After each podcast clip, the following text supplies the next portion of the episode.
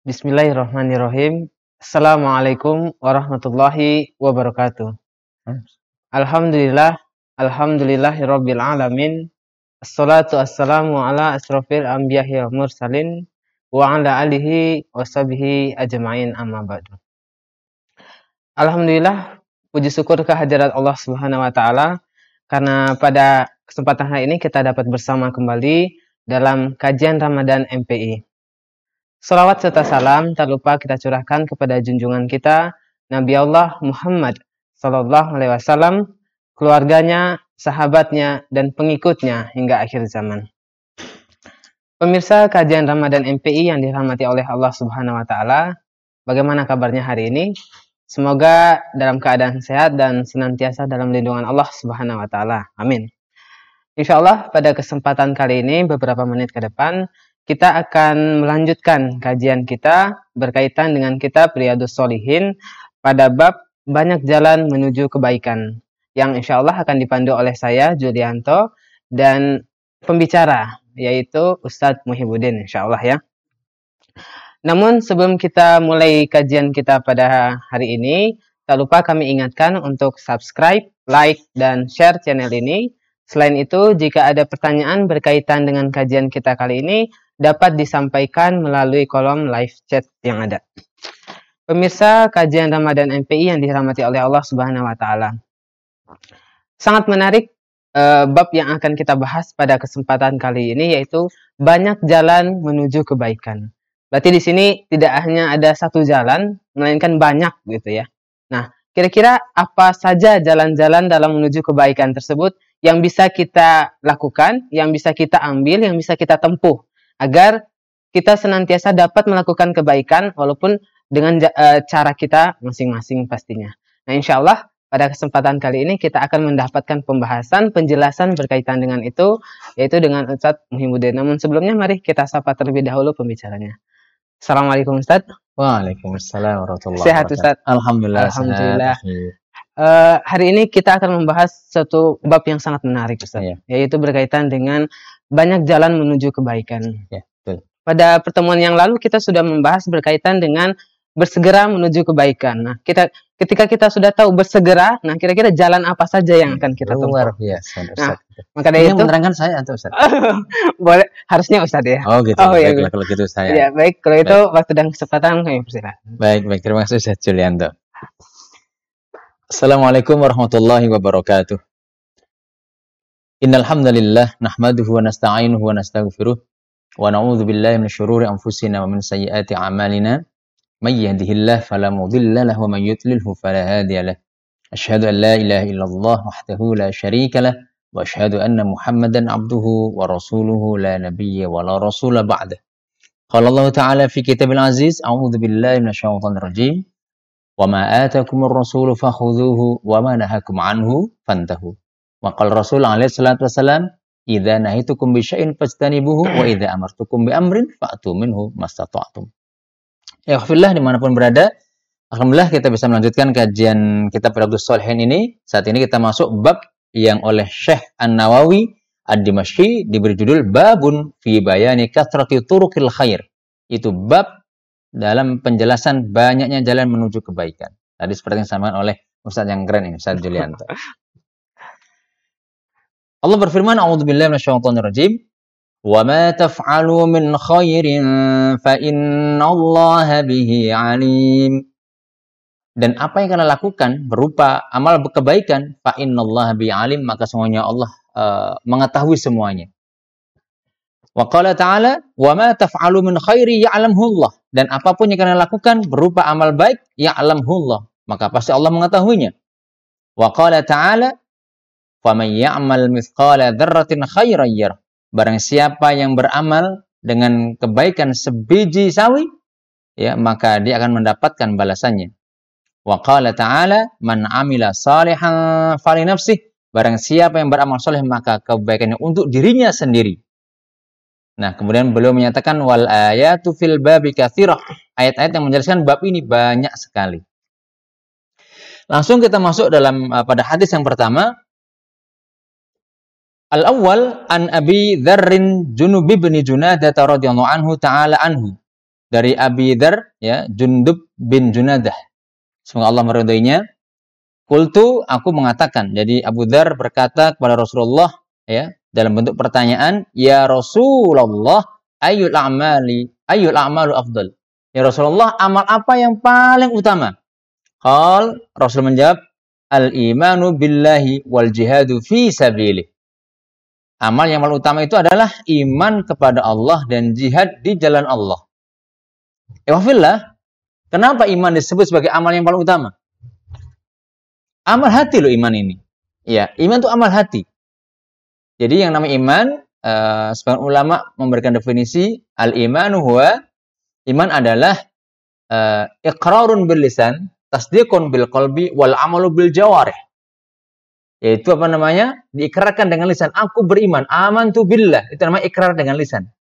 Tetapi ini tidak menjamin imannya diterima kalau hatinya tidak uh, juga mentasdikkan itu tasdikun bil qalbi dibenarkan oleh hatinya dalam uh, penjelasan lain iman adalah tasdikul jazim mutabikun anil waqi pembenaran secara pasti yang disertai bukti-bukti atau dalil-dalil nah iwahfillah itulah iman maka iman merupakan amal tertinggi amal paling utama. Kenapa? Karena amal-amal yang lain ketika tidak didasari oleh iman ini, maka tertolak. Kita nih, nyumbang masjid satu miliar. Tapi kita nggak beriman, alhamdulillah. Orang itu tidak beriman ya. Kita contohnya orang lain aja. Ada orang nyumbang masjid satu miliar. Tapi dia tidak beriman. Maka amalnya tidak diterima. Karena tidak didasari oleh iman. Itu ikhwafillah. Jadi harus beriman dulu. Nah, makanya iman disebut amal yang paling utama. Setelah itu apa? Jihad. Dan pembuktian kepada Allah yang tertinggi dengan jihad. Gitu ya. Jadi orang yang merelakan dirinya berjihad di jalan Allah dan hanya berapa itu Allah Subhanahu wa taala, dia siap mati di medan jihad karena membela agama Allah, maka itu sebagai pembuktian keimanan level tinggi. Ya. Nah, makanya Allah nyatakan dalam Al-Quran itu sekitar 89 ayat yang dimulai ya ayyuhalladzina amanu. 89, banyak sekali. Nah, setelah uh, Allah menyebut ya ayyuhalladzina amanu, maka pasti di belakang ya ayyuhalladzina amanu ini ada seruan syariat yang harus dilakukan. Ada amal soleh yang harus dikerjakan. Nah, orang-orang beriman yang imannya benar ketika dapat seruan ini, maka disambut dengan serius. Contoh, ya ayyuhalladzina amanu kutiba alaikumusiyam. Hai orang beriman, diwajibkan atas kalian berpuasa. Maksud puasa Ramadan. Maka orang imannya benar, dia akan menyambut uh, surat Allah dengan serius, maka mereka melaksanakan puasa. Ini contoh ya. Ifafillah, ini amal yang paling utama. Kemudian jihad. Nah, kemudian Abu Dhar bertanya lagi, "Qultu ayyurqabi afdal?" Pembebasan budak yang bagaimana? Rekob itu budak. Membebaskan budak yang bagaimana yang paling utama ya Rasulullah? Kal Rasul menjawab, eh, angfasuha inda ahliha. Hati-hati ya kalau ini dibat kalau hurufnya botak ada angfus, ada angfas. Kalau angfus jamak dari nafsun. Ya. Artinya angfus, ku angfusakum. Nah, angfus. Tapi kalau angfas itu jamak dari nafis. Uh, uh, bukan jamak tapi bentuk isim tafdil dari nafisun, nafisatun, anfasu. Uh, anfas ini artinya lebih uh, berharga. Maka kata Rasul, pembebasan budak yang paling utama adalah anfasuha, yaitu membebaskan budak yang paling berharga. Indah ahliya, menurut tuannya, menurut pemiliknya. Ya, wa aksaruha saman dan yang paling mahal harganya. Ini uh, kalau sekarang sudah nggak ada budakan ya, tidak ada budak. Ya. Tapi ayat loba barudak di Sunda ya. Beda deh namanya. Kemudian kultu Abu Dar tanya lagi, fa'ilam afal. Kalau saya nggak sanggup, nggak sanggup bebasin beda budak yang paling mahal tadi, kal tu'inu soni'an autas na'uli akhraq. Kamu membantu orang yang bekerja atau membantu orang yang dia bekerja tapi dia sebenarnya tidak pandai mengerjakannya. Bantu. Dia tidak ahli. Nah, ini juga kebaikan. Ini juga amal yang utama. Kemudian Abu Dhar nanya lagi, "Kul ya Rasulullah ara'aita an uh, an ba'dil amal?" Ya Rasulullah, bukankah engkau tahu bahwa aku ini sangatlah lemah dalam sebagian amal? Rupanya Abu Dhar tidak pandai bekerja dalam sebagian amal. Qal Rasul jawab lagi, takuffu syarraka anin nas. Maka tahanlah dirimu, tahanlah kejahatanmu agar tidak menimpa orang lain. Nah, menahan diri tidak membuat orang lain celaka itu sudah kebaikan. kan ada orang yang kerjanya pengen nyenengin apa uh, seneng kalau orang lain celaka. Ada? Ya. Jadi seneng ngisengin orang lain. Ya, kalau anak-anak sekolah, anak santri itu biasanya ya ngumpetin sendal, ya, ngumpetin sepatu, ngumpetin barang-barang temennya. Itu termasuk kejahatan. Nah, dengan menahan diri agar orang lain tidak mendapatkan kejahatan kita, tidak apa, tidak susah gara-gara perbuatan kita, itu sudah amal yang baik. Termasuk afdol amal. Kita pengen sengin orang. Kemudian, ah ini ini nggak boleh, ini larangan Allah. Allah nggak menyukai ini dan termasuk amal soleh ketika aku menahan diri untuk tidak menyakiti saudaraku, tidak membuat orang lain susah. Nah itu amal soleh sudah. Jadi takufu syarroka nas. Fa'inna sotoh. Nah, itu disebut juga sodakoh. Menahan diri untuk tidak membuat orang lain susah, itu sudah sodakoh. Maksudnya apa? Sodakoh minka ala nafsika. Sodakoh darimu untuk dirimu sendiri. Ada model sodakoh begini. Sodakoh untuk dirimu, ya, dari dirimu sendiri. Gitu. Muttafaq alaih hadis Bukhari Muslim. Jadi ternyata menahan diri dari perbuatan yang menyusahkan orang lain itu sudah kebaikan. Makanya tadi judulnya kan banyak jalan menuju kebaikan. Nah, kita ini yang biasa iseng, hentikan isengnya. Ini kebaikan. Allah kasih pahala. Yang biasa gosop, ya, gosop itu ngambil orang lain, ngambil barang orang lain tapi nggak izin dipakai, nggak mencuri, pakai barang orang lain tapi nggak izin, itu gosop. Nah, ini biasanya anak-anak ya yang masih nyantri gitu. Kadang sandal ustadznya juga digosok. Ini luar biasa. Kemudian hadis yang kedua. An Abi Dharin Aidon, masih dari Abu Dhar. Ya, semoga Allah meridhoinya. Anna Rasulullah sallallahu alaihi wasallam qol bahwasanya Rasulullah SAW bersabda, "Yusbihu ala kulli sulama min ahadikum sadaqah." Setiap pagi atas setiap sendi-sendi dari salah seorang di antara kalian, ya, sedekah itu sedekah. Jadi ada hak sendi ini yang harus disodakoi. Nih, kita punya sendi banyak. Kita nggak pernah hitung jumlah sendi kita. Nanti akan dijelaskan berapa jumlah sendi dalam hadis berikutnya. Ya. Jadi setiap sendi ini hendaknya diberi sodakoh. Fakullu tasbihatin sodakoh, maka setiap tasbih sodakoh. Setiap baca subhanallah sodakoh. Wa kullu tahmidatin sodakoh. Dan setiap membaca alhamdulillah sodakoh. Wa kullu tahlilatin sadaqah dan setiap membaca la ilaha illallah sadaqah. Wa kullu takbiratin sadaqah dan setiap membaca Allahu Akbar sadaqah. Wa amrun bil ma'ruf sadaqah. Memerintahkan yang ma'ruf sadaqah. Wa nahyun 'anil munkari sadaqah. Mencegah dari munkar sadaqah. Wa yujzi'u min dzalika rak'atan yarka'uhuma minad duha. Dan sebanding dengan itu semua, itu dua rakaat salat duha. Nah, jadi salat duha itu juga sebenarnya adalah uh, bentuk uh, sodakoh sendi kita. Dalilnya ini. Jadi setiap pagi hendaknya kita sodakoh sendi. Artinya apa? Melaksanakan sholat duha. Atau membaca tahmid, tasbih, tahlil. Ya, itu juga sodakoh. Subhanallah, walhamdulillah, wala ilaha illallah, wallahu akbar. Itu sodakoh. Jadi di pagi hari perbanyak membaca ini. Subhanallah, walhamdulillah, wala ilaha illallah, wallahu akbar. Ini bentuk uh, sholat kita terhadap sedikit atau kita melaksanakan dua rakaat sholat duha minimal.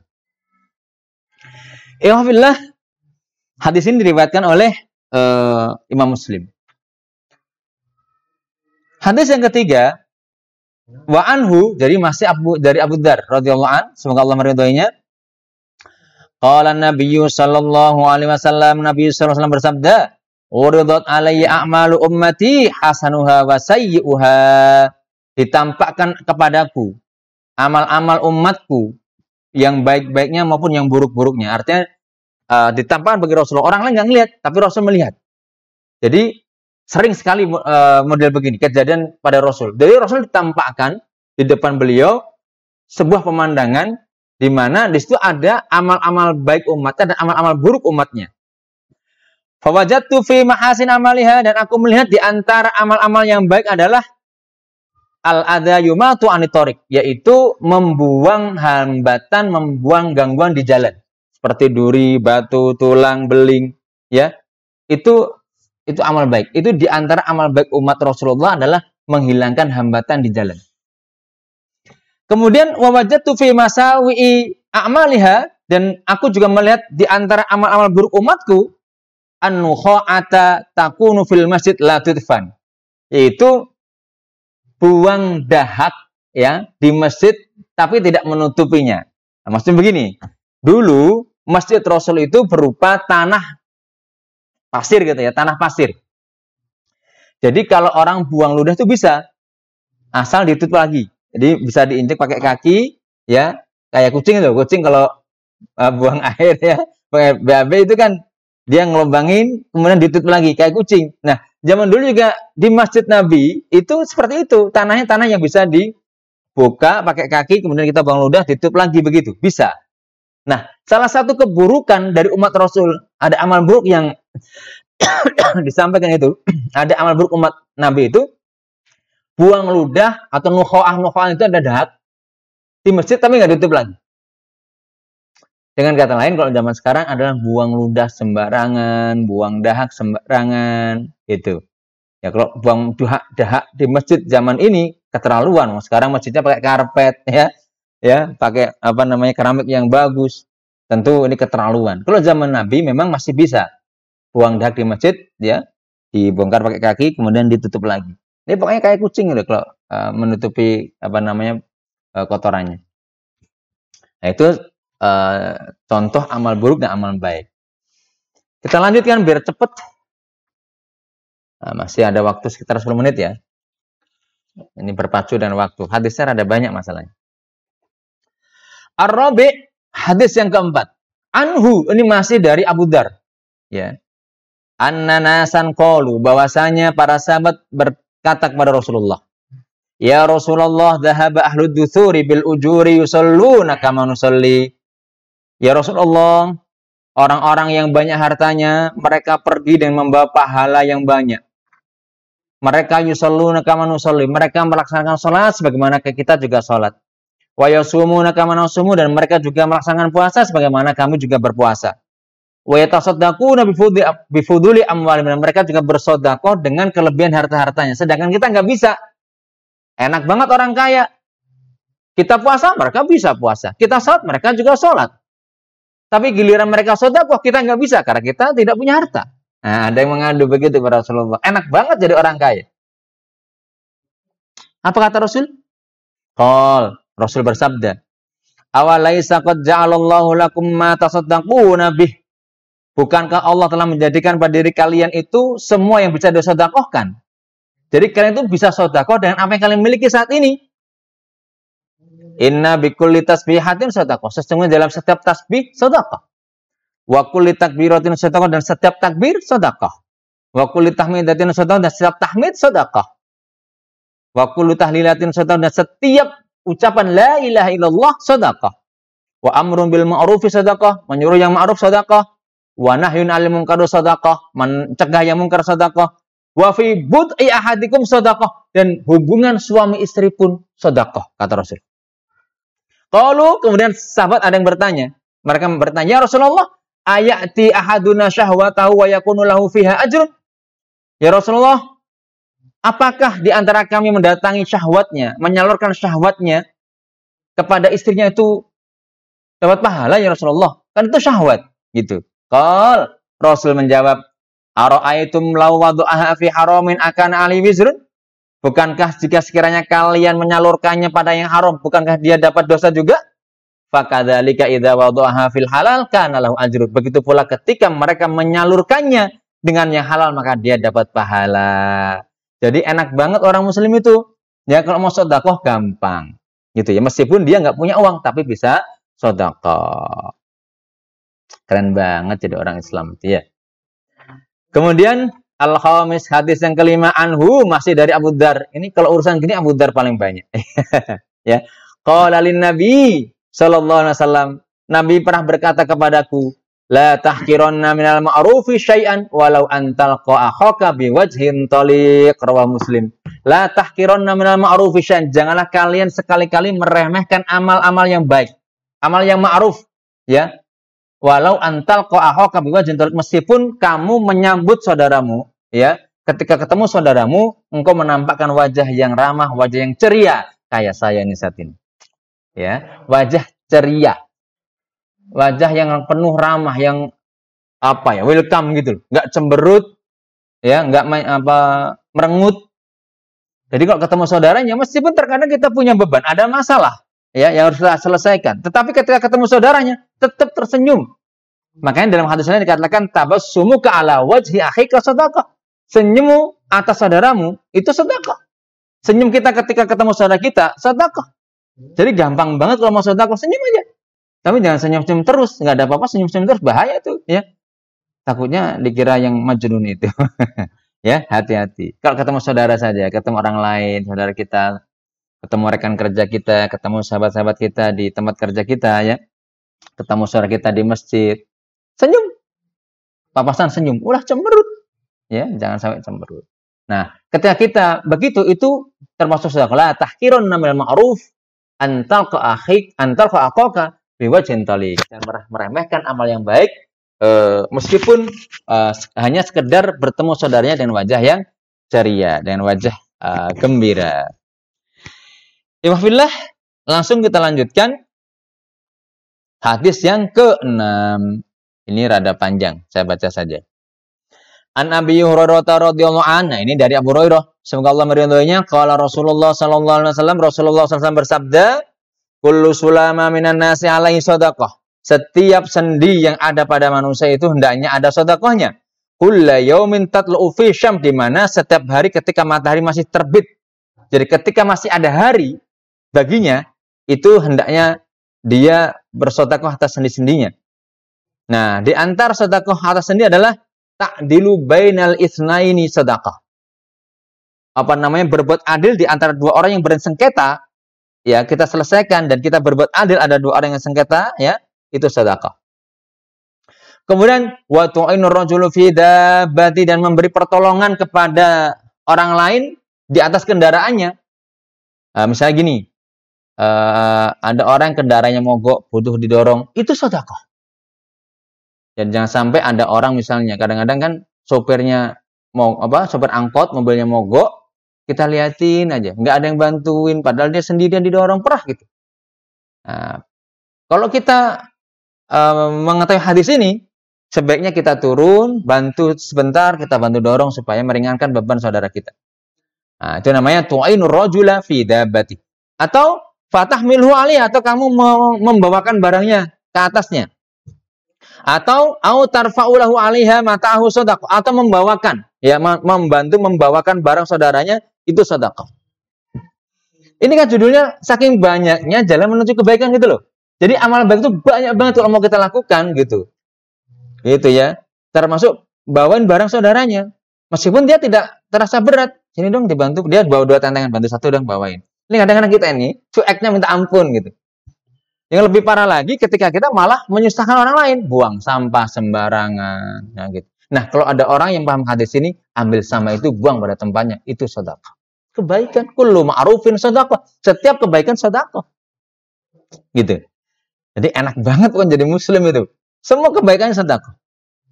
Kemudian, wal kalimatu thayyibatu sedekah. Kalimat thayyibah itu sedekah. Kalimat thayyibah itu apa? Zikir. Kalimat sedekah. Menasihati orang lain itu kalimat thayyibah. Berkata yang baik-baik itu kalimat thayyibah. Itu sedekah wa bi kulli khutwatin tamshiha ila salati sedekah dan setiap langkah perjalanan menuju ke masjid menuju salat itu sedekah. Langkah kita dari rumah menuju masjid ke salat itu sedekah. Setiap langkahnya dihitung oleh Allah SWT, diperhitungkan oleh Allah.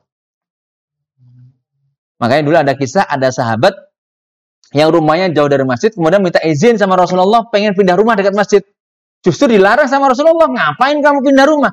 Justru lebih baik rumah kamu jauh dari masjid sehingga langkah-langkahmu itu pahalanya makin banyak. Semakin banyak langkah kita menuju masjid, itu semakin banyak pahalanya.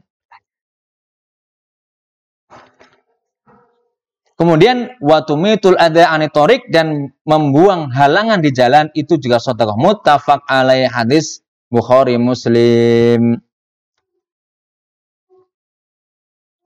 Kemudian riwayat Aisyah radhiyallahu anha semoga Allah meridhoinya qalat Aisyah berkata qala Rasulullah sallallahu alaihi wasallam Rasulullah bersabda innahu khuliqa kullu insanin min bani Adam ala sittina wa thalathimi'ati mimsalin. Jadi setiap manusia dari Bani Adam itu diciptakan oleh Allah dengan 360 sendi. Jadi setiap manusia itu punya 360 sendi. Ya. Ingat-ingat 360 sendi. Faman kabbarallaha, barang siapa yang bertakbir, wa hamidallah dan bertahmid, wa halalallah dan bertahlil, wa sabbahallah dan bertasbih, wa astaghfarallah dan beristighfar, wa azala hajaran anitorik yang menghin, apa, membuang halangan berupa batu di jalan, au syaukatan atau duri, au atban atau tulang antorikin nas dari jalan yang dilintasi manusia, au amaro ma'ruf atau menyuruh yang ma'ruf, au naha an mungkar atau mencegah yang mungkar, ada dasitina wa thalathimi'ah yang total jumlahnya itu 360 kali atau 360 kebaikan fa innahu yumsi yauma idin waqad zahzaha nafsu aninar. Maka di sore harinya pada hari itu sungguh dia telah membebaskan dirinya dari api neraka. Jumlah kebaikannya total 360 kebaikan. Semua dilakukan, dia nggak memilih-milih. Tasbih iya, takbir iya, istighfar iya. Ada apa? menyuruh yang ma'ruf iya, mencegah yang mungkar iya. Ada halangan di jalan diambil. Jadi kita ini nggak nggak sayang untuk beramal solih ini ada sampah diambil, ada batu diambil. Maksudnya batu yang menghalangi, jangan batu yang memang batu rumah orang diambil lain lagi. Itu batu hiasan yang diambil. Maksudnya batu yang itu bisa mencelakai orang. Misalnya kalau ini, wah ini kalau dikena roda motor bisa terjatuh nih penumpangnya diambil. Jadi pikiran baik kita selalu muncul. Ini amal baik, amal baik dan yakin bahwa Allah melihat amal ini, Allah pasti membalasnya. Nah itu paling penting. Ini jadi setiap kebaikan kita ini akan dibalas oleh Allah dengan kebaikan yang berlipat-lipat ganda. Uh, masih ada waktu? Tak tambah lagi. ya, ini hadisnya banyak banget. Ini berpacu dengan waktu ya. Kemudian hadis lain lagi. Wa anhu. Kalau anhunya ini berarti anhunya Abu Hurairah. Tadi anhu anhunya anhu Abu Dar. Karena sebelum Abu Dar, sekarang sebelumnya adalah Abu Hurairah. Maka di sini adalah wa anhu dari Abu Hurairah. Qala Rasulullah sallallahu alaihi wasallam Rasul bersabda, "Ya nisa al muslimat." Nah, ini ditujukan kepada wanita-wanita muslimah sebenarnya walaupun ini sifatnya nanti bisa untuk siapa pun. Ya, selama dia muslim muslimah. Wahai wanita-wanita muslimah, la tahkironna jaratun li jaratiha walau firsi nasyatin muttafaq alaih. Janganlah di antara kalian para wanita muslim meremehkan amalan tetangganya yang berbuat baik kepadanya walaupun mereka hanya memberikan kepadanya itu e, versi nasyatin yaitu kikil atau kaki kambing. Ulama ada dua pendapat ini. Tapi dua-duanya benar. Atau terjemahan lainnya, janganlah kalian meremehkan wahai para wanita muslimah, berilah tetanggamu ya beramal baiklah dengan tetanggamu meskipun engkau memberikan kepada mereka hanya dengan uh, versi nasyatin, yaitu uh, ini loh kaki kambing. Jadi misalnya kita punya kaki kambing dapat dari korban atau kita motong kambing sudah di bagian lain eh, tetangga kasih kaki kambingnya. Itu kebaikan. Jangan pernah remehkan kata Rasulullah. Jadi gini, yang memberi juga jangan malu-malu memberi, yang diberi juga nggak boleh meremehkan. Nah ini maknanya ada dua ini. Misalnya tiba-tiba ada datang pada kita, orang cuma ngasih misalnya sebungkus uh, air teh sebungkus. Padahal kita di rumah teh juga banyak, gula juga banyak. Terima saja kalau tetangga yang ngasih itu kebaikan. Terima, jangan pernah diremehkan kebaikan orang lain. Juga kita jangan pernah malu memberikan kebaikan kita orang lain masih cuma sedikit. Nah, contohnya apa? Kita punya seblak, bikin seblak kasih tangganya.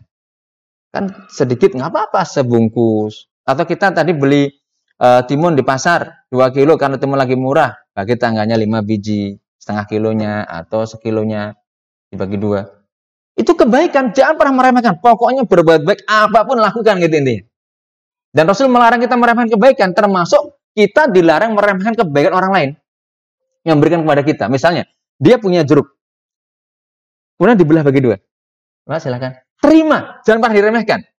Walaupun cuma sepotong jeruk. Kadang-kadang kan ada orang saking senangnya dengan saudara dan saking senangnya, saking senangnya memberi ke orang lain, kadang-kadang hal yang sedikit pun dibagi. Gitu.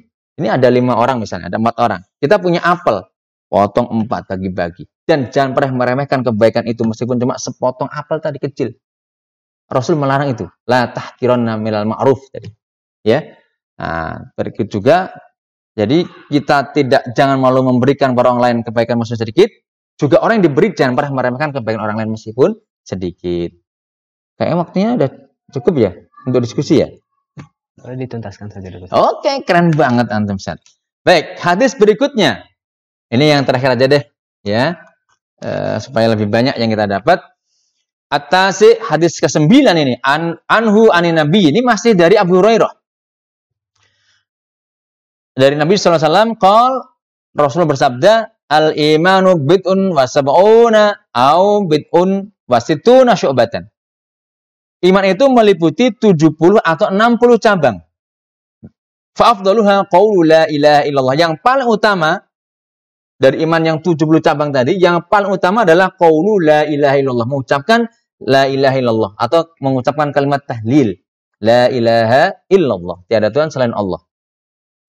Wadana ada yang paling rendah, yang paling bawah. Ini tetap bagian dari iman ini. Gak boleh diremehkan. Imatatul ada anitorik, yaitu menghilangkan hambatan di jalan. Duri, tulang, batu, pokoknya semua yang membahayakan saudara kita, maka ambil. Itu. Wal haya'u syu'batun iman dan malu merupakan bagian dari iman. Malu juga bagian dari iman gitu. Nah, jadi kalau kita punya malu itu juga kebaikan. Ternyata mau berbuat baik itu dengan rasa malu aja. Malu aja, itu sudah kebaikan. Dan memang malu itu nggak ada yang buruk sebenarnya. Kecuali malu untuk e, mentaati Allah Subhanahu wa taala. Tentu ini buruk. Nah, ya sebenarnya masih banyak uh, ya yang perlu dibaca cuma waktu pula yang membatasi. Semoga walaupun tadi hanya beberapa hadis yang saya sampaikan uh, cukup memberi pemahaman dan kesadaran kepada kita untuk berbuat baik apa pun yang bisa dilakukan dari kebaikan lakukanlah. Demikian Ustaz Julianto yang bisa saya sampaikan. Baik, uh, terima kasih Ustaz.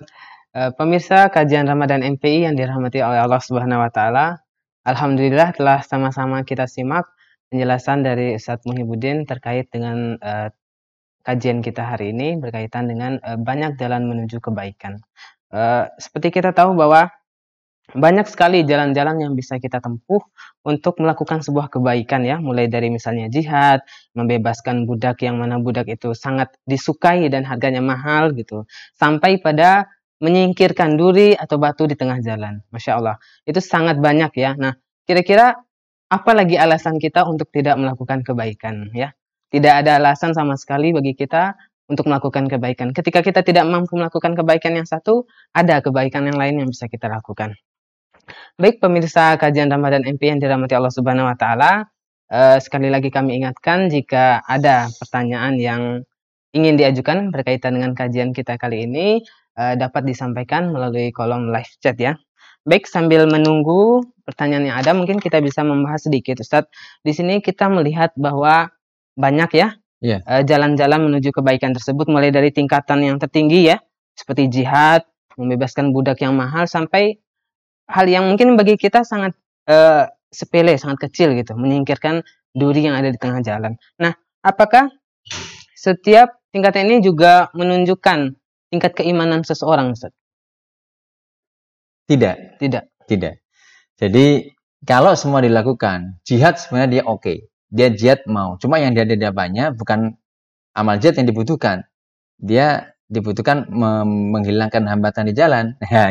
Jadi apa yang di, di, di depannya itu ada amal soleh yang bisa dilakukan, dilakukan. Ini kebaikan, kenapa nggak aku lakukan? Contoh remeh kecil saja gitu ya. Di depan kita nih, tempat sholat di masjid, kadang-kadang kan ada sampah yang sedikit kecil itu ya. Ambil kantongnya, itu kebaikan. Kalau kita sadari betul bahwa Allah akan mempertimbangkan, akan memperhitungkan amal gitu. Itu bukan jangan dianggap kemudian ketika ini amal kecil berarti imannya kecil. Enggak. Justru menunjukkan kesadaran yang tinggi terhadap pengawasan Allah. Yang kecil saja Allah perhatikan dan Allah pasti balas gitu. Apalagi yang besar-besar. Nah, jadi sekali lagi ya, orang yang beramal kecil karena memang yang dihadapi itu jangan berpikir ini imannya rendah. Bukan. Justru menunjukkan dia orang yang sangat uh, tinggi uh, kesadaran akan hubungannya dengan Allah tadi. Sehingga amal-amal kecil pun dia lakukan karena yakin akan Allah balas gitu. Nah, gitu ihwafillah. Beda lagi dengan yang dimaksud mungkin ini.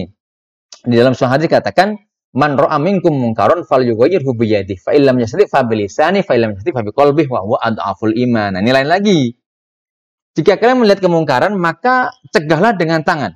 Kalau kamu nggak sanggup mencegah dengan tangan, maka rubah dengan lisan. Kalau lisan juga nggak mampu, maka rubahlah dengan uh, nah ini. Kalau lisan nggak mampu, cukup dengan hati bahwa kita memang tidak suka dan kita berharap ridho Allah.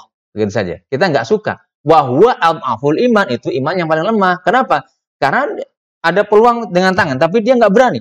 Peluang dengan lisan, tapi dia nggak berani. Berani cuma di dalam hati aja. Ya Allah saksikan saya nggak ridho dengan, dengan amalnya. Itu sudah al-aful iman gitu. Padahal ada peluang untuk dengan tangan sebenarnya.